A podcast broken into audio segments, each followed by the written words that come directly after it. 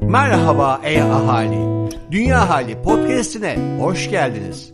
Burada sadece iklim krizinden değil, havadan, sudan da konuşuyoruz.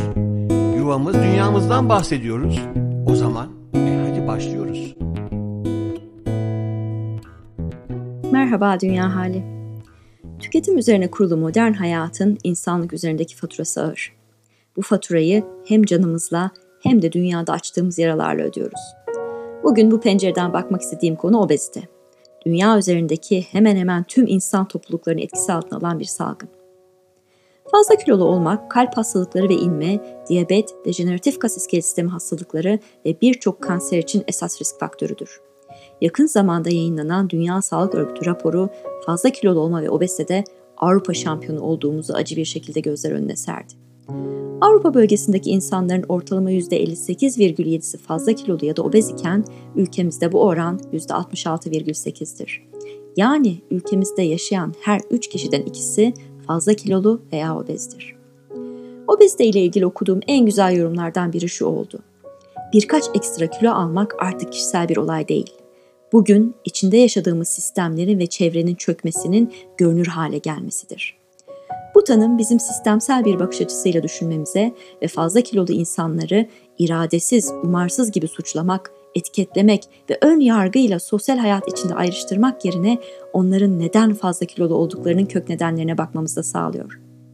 Kişilerin tercihlerinden öte sağlık, tarım, ulaşım, şehir planlama, çevre, gıda işleme ve satışı ve de eğitim sistemlerinin insanların tüketim ve yaşam alışkanlıklarını neye zorladığını fark etmemiz gerekiyor.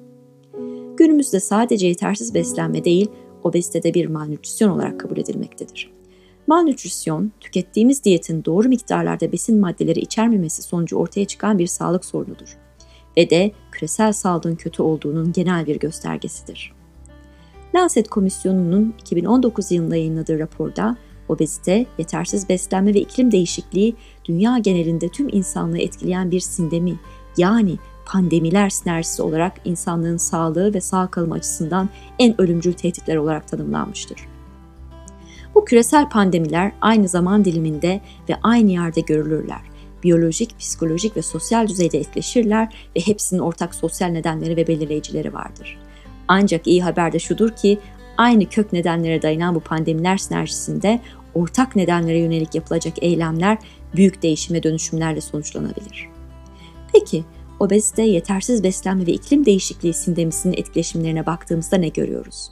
Birkaç örnekle açıklamaya çalışalım. Artan sıcaklık ve nem fiziksel aktiviteyi ciddi şekilde kısıtlayabilir, bu da obeziteye meyil sağlar.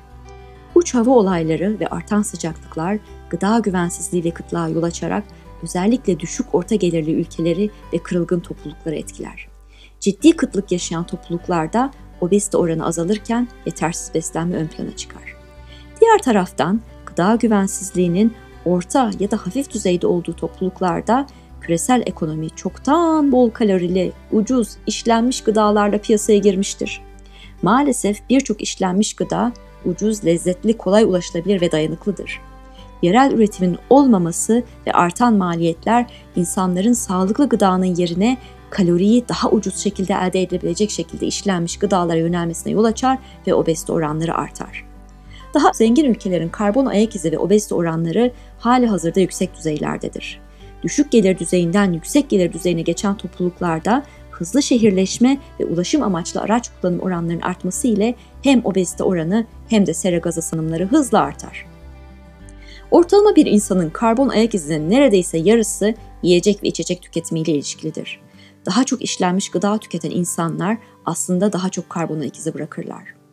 Obezite yol açan bir diyetin ortalama bir insanın karbon ayak izinden %20 daha fazla sera gazı salınımına yol açtığı hesaplanmıştır. Ayrıca daha kilolu olan insanlar temel metabolik ihtiyaçlarını karşılamak için daha çok kalori tüketmek zorundadırlar. İklim krizi ve malnütrisyon ilişkisinin bir başka boyutu daha vardır. Yüksek karbondioksit seviyelerinde yetişen ürünlerin biyokütlesi ve karbohidrat içeriği artmakla beraber besleyici değeri düşmektedir. Bu ürünleri tüketen insanlar aynı miktarda ürün tüketerek demir, çinko, kalsiyum gibi mikro besinlerden ve protein ve C vitamininden çok daha az yararlanmaktadırlar. Özellikle buğday ve pirinç gibi insanlığı doyuran temel gıdalar karbondioksite çok daha duyarlıdır ve bunlarla beslenen toplumların giderek daha fazla malnütrisyon yaşayacağı öngörülmektedir. Bu konudaki ilk çalışmaları yürüten Irakli Lolatse bulgularını şu şekilde ifade etmektedir. Karbondioksit düzeyleri yükselmeye devam ettikçe dünya üzerindeki her bir yaprak ve çim daha fazla şeker yapacaktır. İnsanlık tarihinde biyosfere gıda kaynaklarımızdaki diğer besinleri seyrelten en yüksek düzeyde karbonhidrat enjeksiyonuna tanık oluyoruz. İklim kriziyle sağlık sorunlarımızın birbiriyle ne kadar ilişkili olduğunu görmek zorundayız. Hepsinin kesişim noktasında insanlığı umarsızca tüketmeye ve hareketsizliğe yönelten sistem yer almaktadır.